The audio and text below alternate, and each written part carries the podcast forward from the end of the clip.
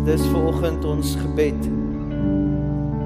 Kom praat met ons, Vader. Laat die woord diep in ons harte spreek en mag ons soos wat Paulus gesê het, onsself beproef.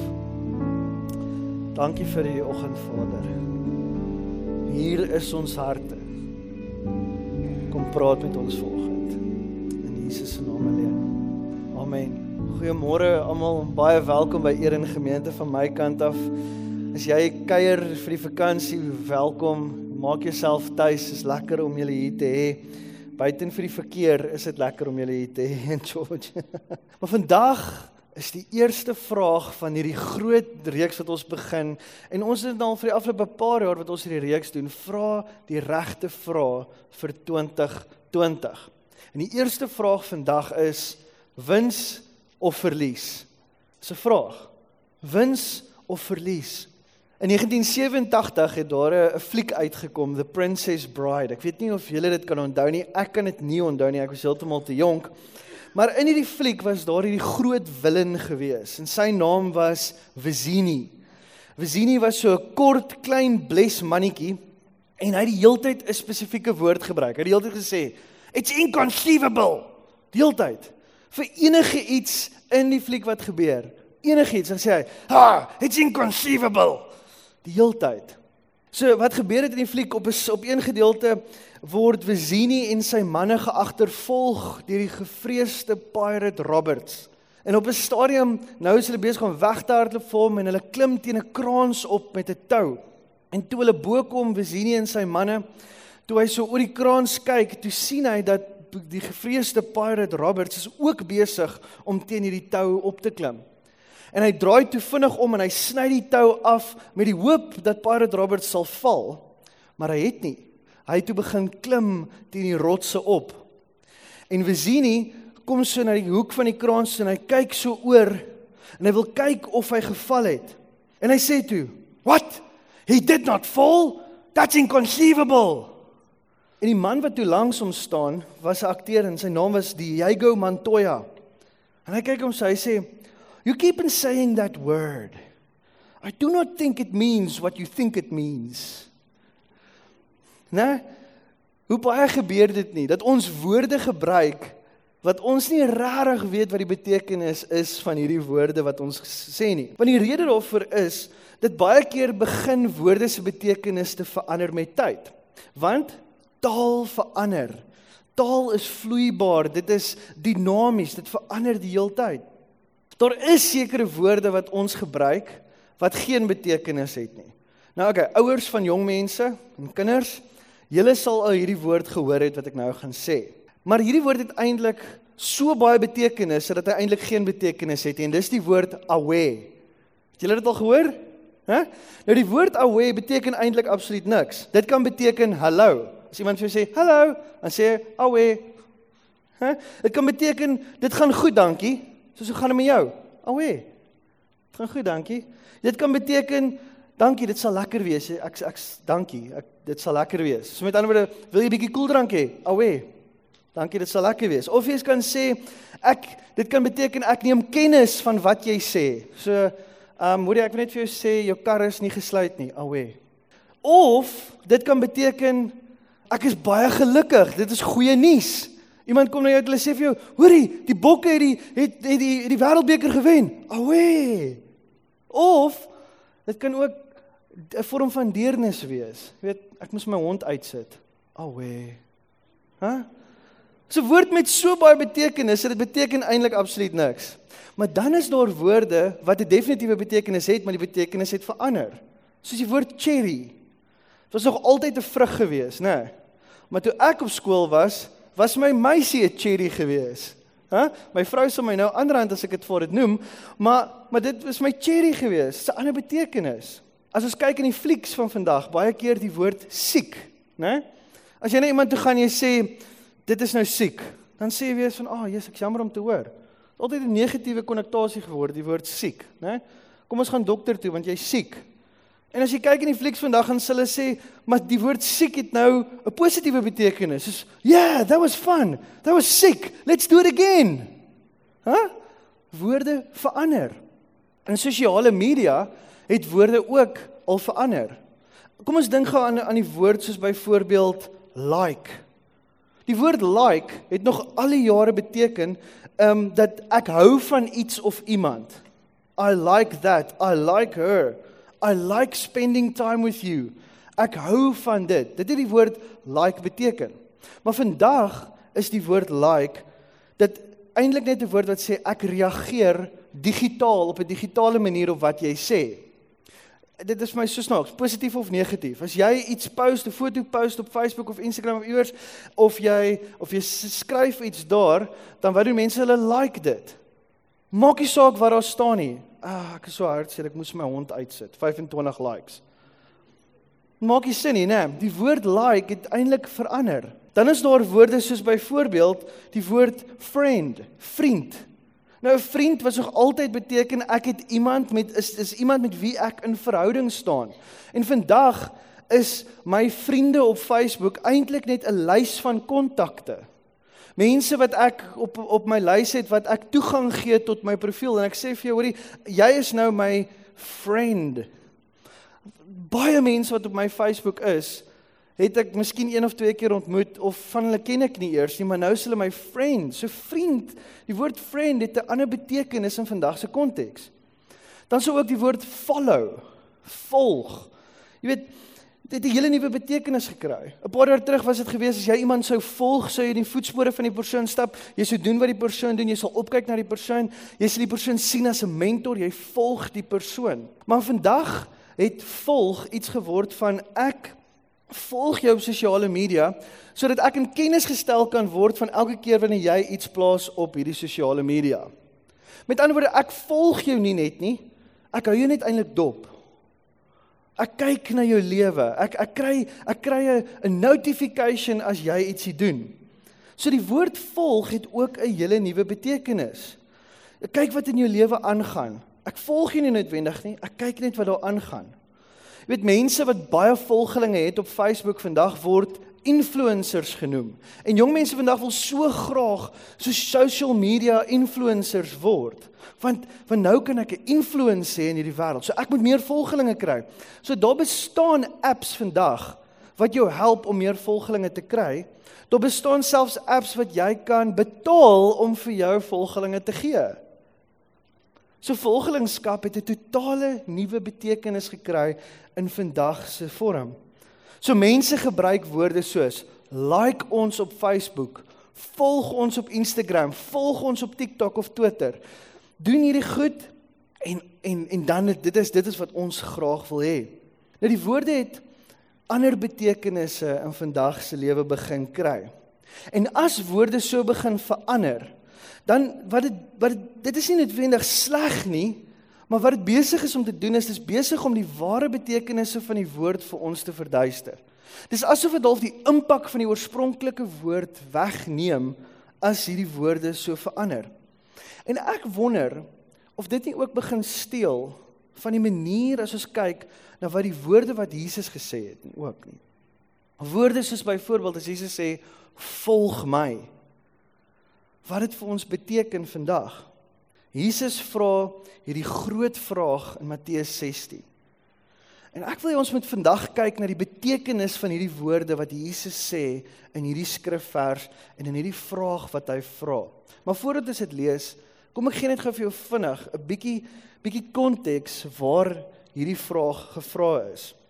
Nou, op hierdie oomblik in tyd van Jesus in Matteus 16 het Jesus um verskriklik baie aanhangers gehad en nie baie volgelinge nie.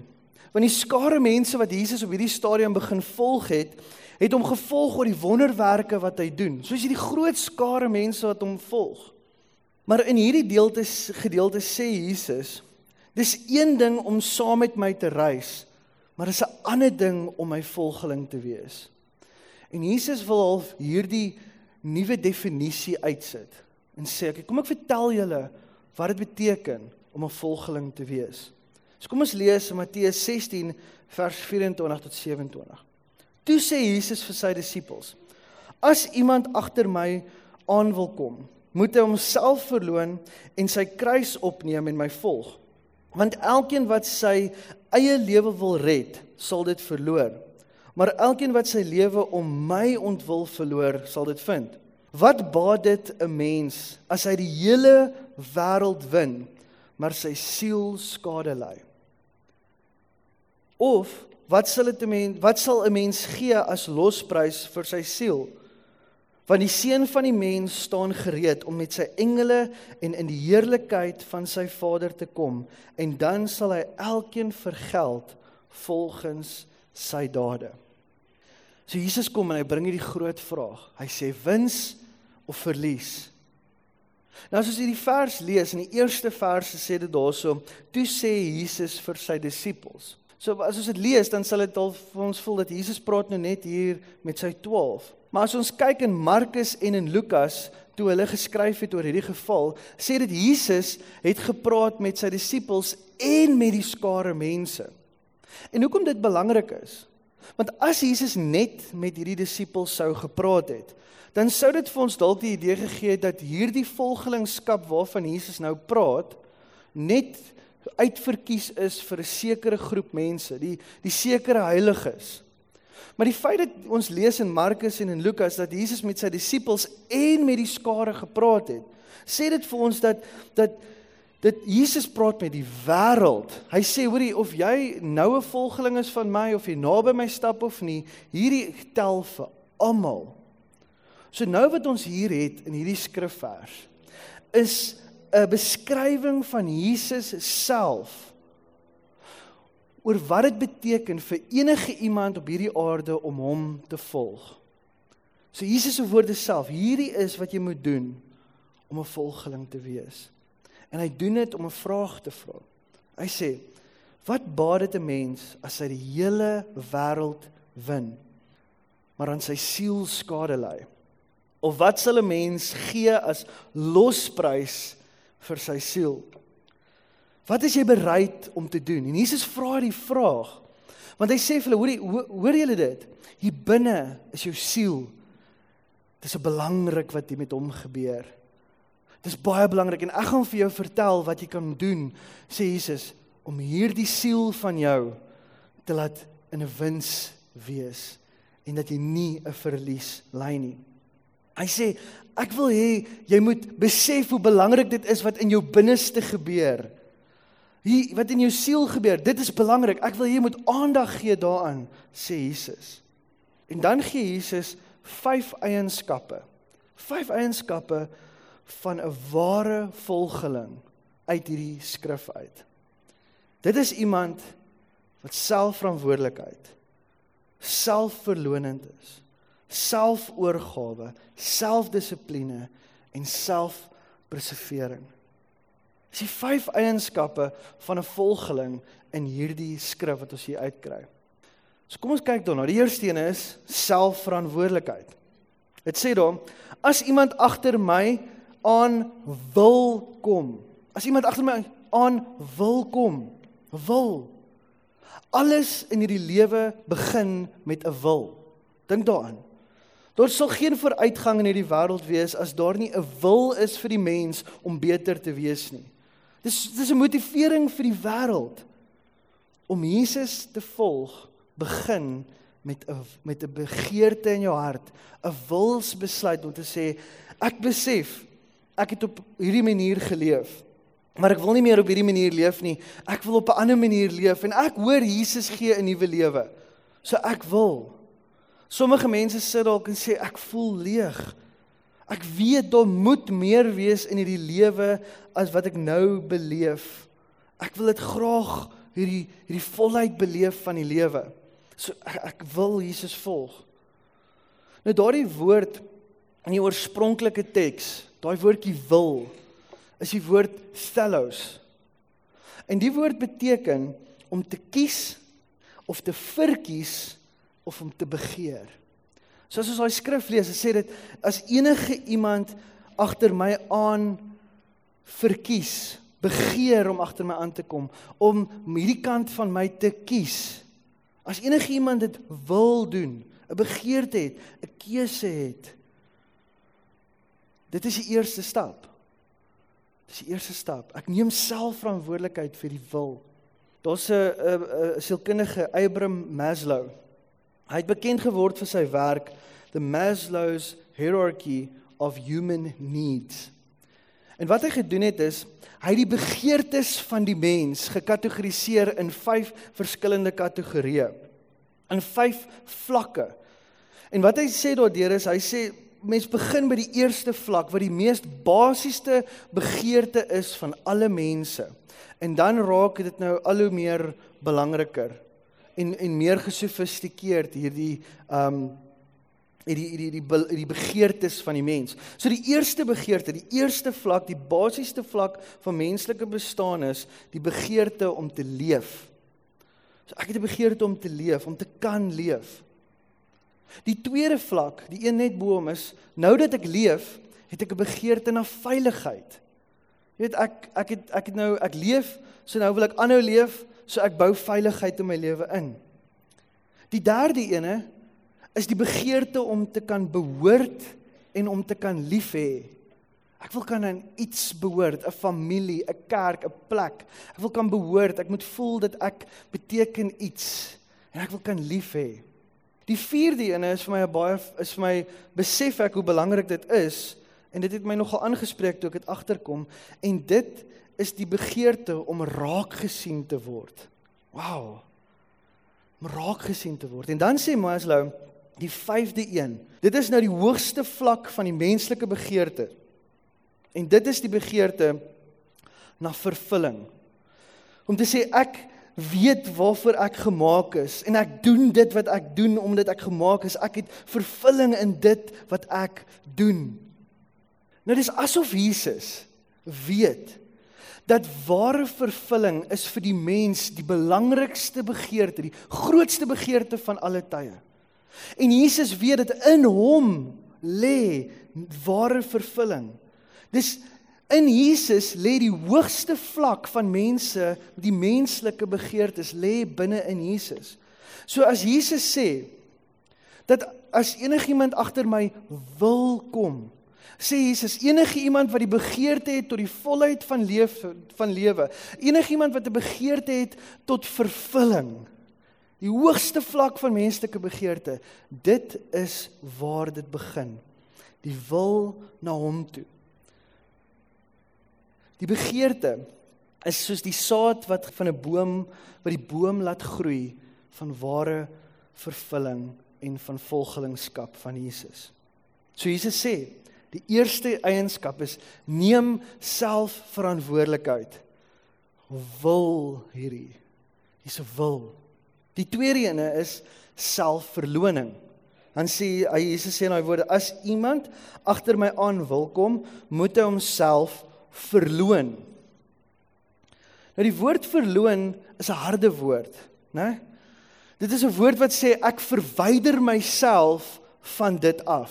Ek verloon dit. Dis dieselfde woord wat gebruik word toe Petrus Jesus verloon het.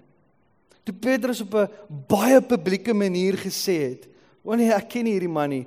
Ek verwyder myself van hom af. Ek ek weet nie wie hy is nie." Dis dieselfde woorde.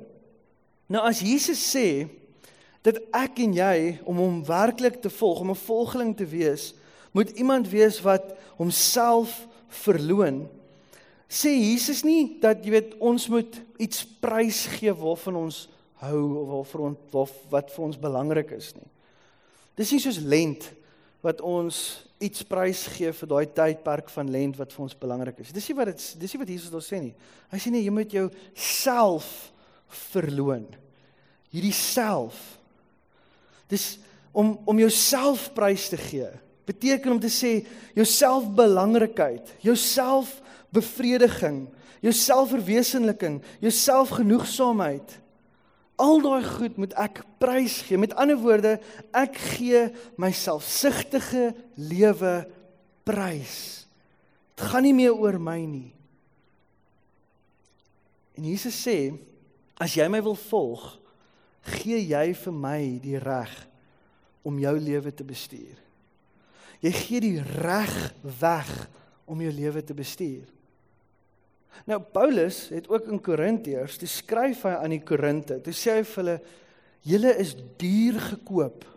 Julle is duur gekoop. Jy's nie meer jou eie nie.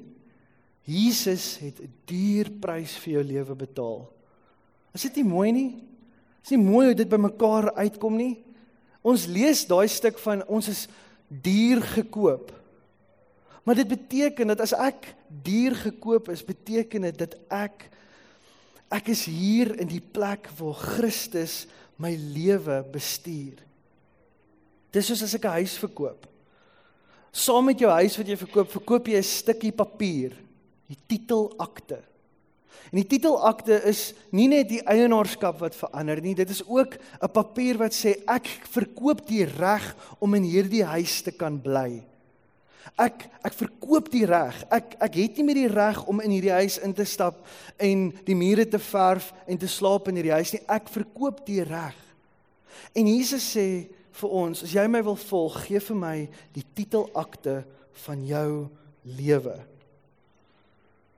En wat Jesus daardeur sê, is hy sê ek weet jy weet dit nog nie, maar jy moet besef dat dit is presies waarna jy soek. Vervulling in hierdie lewe. So die eerste een is selfverantwoordelikheid. Jesus sê dit, selfverantwoordelikheid, selfverloning. Die derde een is selfoorgawe. En nou raak dit baie nouer. Dit raak nouer. Jesus sê as iemand agter my aan wil kom, moet hy homself verloon en sy kruis opneem. Nou om om hierdie te verstaan wat Jesus hier sê, moet ons gaan die konteks verstaan wat hier gebeur. So kom ek vertel vir jou. Jesus en sy disippels het op hierdie stadium begin reis en hulle is in 'n plek met die naam Caesarea Philippi. En op hierdie plek sit hy met sy disippels en hy gesels met hulle en hy vra toe vir hulle: "Wat sê die mense wie is ek?" En die disippels begin met Jesus te praat. En hulle sê vir hom, hulle sê dit van jou, hulle sê dit vir jou, hulle sê jy's Jona, hulle sê jy's Jakob en hulle sê hulle sê al die goed. En toe draai Jesus om en hy sê vir hulle, "Oké, okay, maar sê julle vir my, wie is ek vir julle?" En die disippels antwoord en van al die disippels het Petrus die regte antwoord gehad. Luister wat sê dit. Hy wat sê hy? Hy sê, "U is die Christus, die seun van die lewende God." Toe antwoord Jesus hom, Hy sê salig is jy Simon Barjona want vlees en bloed het dit nie aan jou geopenbaar nie maar my Vader wat in die hemel is. En ek sê vir jou ook, jy is Petrus.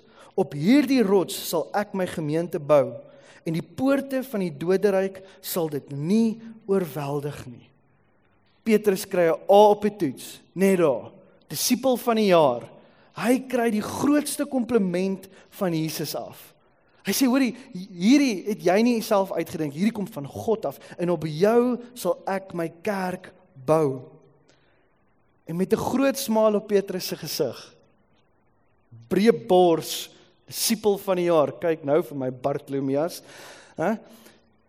staan hy daar en in die, die gesprek gaan verder. Hy sê van toe af het Jesus dit vir sy disippels duidelik begin stel dat hy Jerusalem toe moet gaan en dat hy baie moet ly onder die familiehoofde, die priesterhoofde en die skrifgeleerdes. En dat hy doodgemaak moet word en die derde dag uit die dood opgewek moet word. Jesus vertel hom hulle van sy kruisdood. En Jesus vertel hierdie van wat nou gaan gebeur. Hy vertel vir hulle: "Julle, julle moet hoor, hierdie is die rede hoekom ek aarde toe gekom het. Hierdie is die rede." En Petrus vers 22 sê dit. Hier Petrus het toe vir hom Jesus op sy geneem en hom begin berispe. Mag God dit verhoed, Here. Dit sal beslis nie met u gebeur nie. Nou kyk jy Petrus het guts gehad want jy berispe nie sommer net vir Jesus nie, né? Dis asof hy, jy weet, hierdie kompliment bietjie kop toe gegaan het. Dit gaan verder. Maar Jesus het na Petrus toe gedraai en vir hom gesê: Moenie my pad staan nie, Satan. Ooh. Jy is vir my 'n struikelblok want jy dink nie aan wat God wil nie, maar aan wat die mense wil hê. Ja, dit is verskriklike woorde, né? Hoekom was Petrus so so hoekom was Jesus so hard op Petrus gewees? Dis asof Petrus na die kompliment so bietjie kop toe gegaan het en en hy gaan na Jesus hy sê kom ek sê vir jou Jesus dit sal nie gebeur nie ek sal daarvoor seker maak. Petrus het lyk my nie lekker geluister na wat Jesus besig was om te sê nie. En dit is die rede hoekom Petrus so sterk aangespreek was deur Jesus. En hoekom hy so sterk reaksie gekry het. Want wat hy vir Jesus probeer sê, hy sê Jesus, daar moet 'n makliker pad wees. Jesus los die kruis. Dit is 'n ander pad. Ons maak 'n ander plan. Kom ons vat die makliker roete. En kom ons dink gou oor dit. 'n Paar jaar terug het die duiwel presies dit aan Jesus ook gedoen. 'n Paar jaar van tevore toe Jesus in die woestyn was, toe was Jesus versoek deur die duiwel gewees. En op 'n stadium toe vat die duiwel hom op na so 'n berg en hy sê vir hom: "Jesus, as jy nou voor my neerval en my aanbid, dan gee ek vir jou alles wat jy voor wil kom sterf." Kom, Jesus buig net nou hierso en dan hoef jy nie te sterf nie. Ek gee dit vir jou. Maar Jesus weet Jesus weet hy het gekom vir 'n rede dat hy 'n prys kan betaal sodat ons nooit weer hoef onder hierdie manier te wees van leef nie. En is toe is asof Petrus toe hy hierdie woorde sê, is asof Jesus daar sit en sê ek erken hierdie stem. Ek erken hierdie stem. Ek erken hierdie filosofie, die filosofie van daar's 'n makliker pad. Jesus het klaar vir hulle vertel wat die plan is. Hoekom dit nodig is vir hom om te sterf. En hier wil Petrus kom en hy sê: "Mag nee man, kom ons vat die makliker pad." Nou hierdie is die konteks waarin Jesus hierdie woorde sê. Hy sê as iemand my wil volg, moet hy sy lewe neerlê. Hy moet sy lewe verloor. Dan sê dit hy moet hy homself verloon en sy kruis opneem. En is ek wonder ek wonder toe Jesus hierdie sê 'n volgeling moet sy kruis opneem. Ek wonder of hy nie toe gekyk het na Petrus nie. Hy sê Petrus, hierdie is 'n belangrike deel van volgelingskap. So ek moet my kruis opneem. Jesus sê om my te volg, moet jy sterf. Hierdie is nie die makliker pad nie. Die Bybel praat op soveel plekke praat dit van die nou pad en die wye pad, die maklike pad en die moeilike pad. Hierdie is die moeilike pad, want hierdie is die pad wat jou roep om te sterf. Maar die mooi gedeelte van dit is Jesus sê, selfs as jy my volg deur moeilike tye, bring dit sin in jou moeilike tye. Ja, soms gaan daar moeilike opofferings wees wat jy gaan moet maak. Dit dit gaan gebeur. Maar om op 'n plek te kom waar jy sê ek begin ek beëindig hierdie lewe van self en ek begin 'n lewe leef van opoffering en 'n lewe leef in diens van God. Mense, Christendom sonder 'n kruis is net 'n goedkoop weergawe en 'n goedkoop plaasvervanger. Christendom het altyd 'n kruis. Om 'n om 'n disipel te wees beteken nie ek word vrygeskeld van alles wat sleg is nie. Inteendeel, om 'n Christen te wees, om 'n volgeling van Jesus te wees, word jy geroep om te sterf. Oorgawe beteken ek gee my lewe oor. Maak nie saak wat dit kos nie. So die eerste een is selfverantwoordelikheid, selfverloning, selfoorgawe. En dan die vierde een is selfdissipline. Jesus sê vir sy disippels: As iemand agter my aan wil kom, moet hy homself verloon, sy kruis opneem en my volg. Daardie woorde my volg in die in die oorspronklike teks beteken fisies om te loop op dieselfde pad as die een wat ek volg. Ek fisies loop op dieselfde pad. Ek volg in die voetspore van Jesus. Ons 'n 'n skrywer, Mark Buchanan. Hy het 'n goeie vraag gevra in een van sy boeke. Hy het gevra: "Is jy 'n reisiger of is jy 'n toerus?" Daar is 'n verskil. Is jy 'n reisiger of is jy 'n toerus? Hy skryf, hy sê 'n reisiger is iemand wat met deursettingsvermoë na 'n plek toe gaan. Dis 'n persoon wat verdiep in die kultuur van die land waarin hy is. Dis 'n persoon wat bly by die mense, die die locals in die land. Hy eet die kos wat voor hom neergesit word. Hulle leer die taal aan. Hulle leer die kultuur van die mense aan. Hulle neem hul lewenstyl aan. Dis iemand wat doen wat die mense doen in die kultuur. En is iemand wat vir baie lank weg is. En dan sê hy 'n 'n toerist is iets anders. Hy sê daai is 'n 'n reisiger. 'n Toerist is iemand anderste. Mark sê, hy sê 'n 'n toerist is iemand, hy sê it's someone that takes a detour back home. Just a detour back home. Hulle beleef net die kultuur. Hulle kyk na die kultuur. Hulle proe die kosse, maar hulle eet dit nie. Hulle koop vir hulle aandenkings as hulle daar is, maar die aand gaan hulle veilig terug na hulle hotelkamer toe wat lyk soos hulle huis. En na 'n kort tydjie is hulle weer op pad terug huis toe. En dan val hulle neer op die bank en sê: "Ag, is lekker om by die huis te wees, al was jy net 'n week weg." Dis 'n toerist. Nou Jesus sê: Hy sê ek soek nie ek soek reisigers saam met my op hierdie pad. Ek soek nie toeriste nie. En onthou nou Jesus praat hier met sy disippels en met die skare. Hy sê ek soek nie mense wat net kom proe wat ek doen en kyk wat ek doen nie. Ek soek mense wat my voetspore volg. Iemand wat my lewenstyl aanneem en doen wat ek doen elke dag en dit verg selfdissipline.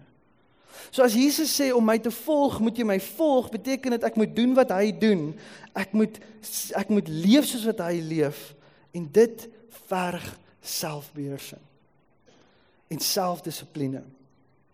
Nou jy mag dalk hier sit vanoggend en jy sê Gerard, maar hierdie vier goed. Hoekom sal enige iemand Jesus wil volg? Want hierdie klink soos 'n baie slegte verkoopsaanbieding. Want dit klink net negatief. En die rede hoekom ons Jesus wil volg met hierdie vier stappe, want daar is 'n vers 25 tot 27. En hierin lê nommer 5. Die eerste een is selfverantwoordelikheid. Eerste eienskap. Tweede eienskap selfverloning. Derde eienskap selfoorgawe. En die vierde een is selfdissipline. En dan die laaste een is selfpreservering. Vers 25 sê: Want wie sy lewe wil behou, sal dit verloor. Maar wie sy lewe ter wille van my verloor, sal dit terugkry. Wat sal dit 'n mens help as hy die hele wêreld as wins verkry, maar sy eie lewe verloor? Of wat sal 'n mens gee in ruil vir sy lewe? Die seun van die mens gaan saam met sy engele kom. Hy sal bekleed wees in dieselfde heerlikheid as sy Vader en sal elkeen volgens sy dade vergeld. Jesus sê: Daar kom 'n tyd wat ek weer kom. Daar kom 'n tyd wat ek weer kom en jy het 'n keuse. Gaan ek vir ewig leef of gaan ek vir ewig sterf? Hier's die keuse nou voor jou. Hier's dit nou. Mense, ons moet erns maak met hierdie besluit wat Jesus in hierdie paar sinne en hierdie paar woorde wat Jesus sê het. Moet ons erns maak met dit.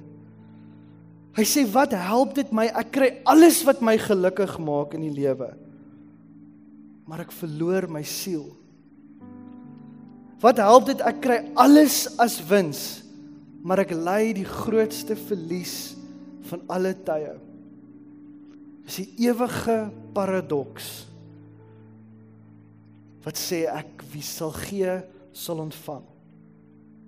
Hy sê as jy jouself gee, gaan jy jouself vind. As jy jou lewe gee, sal jy die lewe kry. En al wat hy vra is in hierdie paar woorde. Hy sê is jy 'n disipel of is jy net 'n aanhanger? Deel van die groot groep. Is jy 'n reisiger of is jy 'n toerus? Is jy 'n aanhanger of 'n volgeling? En pas op as jy sê ek is 'n volg, volgeling. Because you keep saying that word. I do not think it means what you think it means. Jesus sê dis nie net 'n woord om 'n volgeling te wees nie. Daar's eienskappe saam met hierdie woord. Daar's 'n lewe saam met hierdie woord. En Jesus roep my en jou om te sê kom. Volg my. Wat help dit jy die wêreld as wins? Maar jy verloor die ewigheid. So. Kom ons wees mense. Selfverantwoordelikheid, selfverloning, selfoorgawe met selfdissipline en met hierdie selfpreservering in ons harte. Kom ons sluit ons oop. Here en net 'n paar woorde in twee sinne kom gee u vir ons hierdie ewige waarheid. Dat ons moet erns maak met wat hier binne aangaan. Erns maak met ons siel en Here ja dit u sê in hierdie woorde vir ons wat ons moet doen en maar dit is so moeilik maar die wins is so groot. En Here, ek bid vir oggend vir elkeen van ons. Dat ons op 'n plek sal kom waar ons sal sê die wins is soveel groter om U te volg. Ek is bereid om dit te gee. Is bereid om al die die lekker van die lewe en al die dinge wat ek dink die beste is prys te gee sodat ek in die volheid van u lewe kan leef. Here help ons om in hierdie week wat ons ingaan met hierdie bewustheid te leef van hierdie eienskappe wat u vir ons in hierdie twee sinne gegee het. En mag hierdie vraag diep in ons harte spreek en die heeltyd ons konfronteer. Waarmee is ek besig? Dankie Here vir genade. Dankie Here dat U ons roep. En dankie Here dat U ons toelaat en dat U gesterf het op die kruis sodat ons kan U volgelinge wees. Bid dit in Jesus se naam.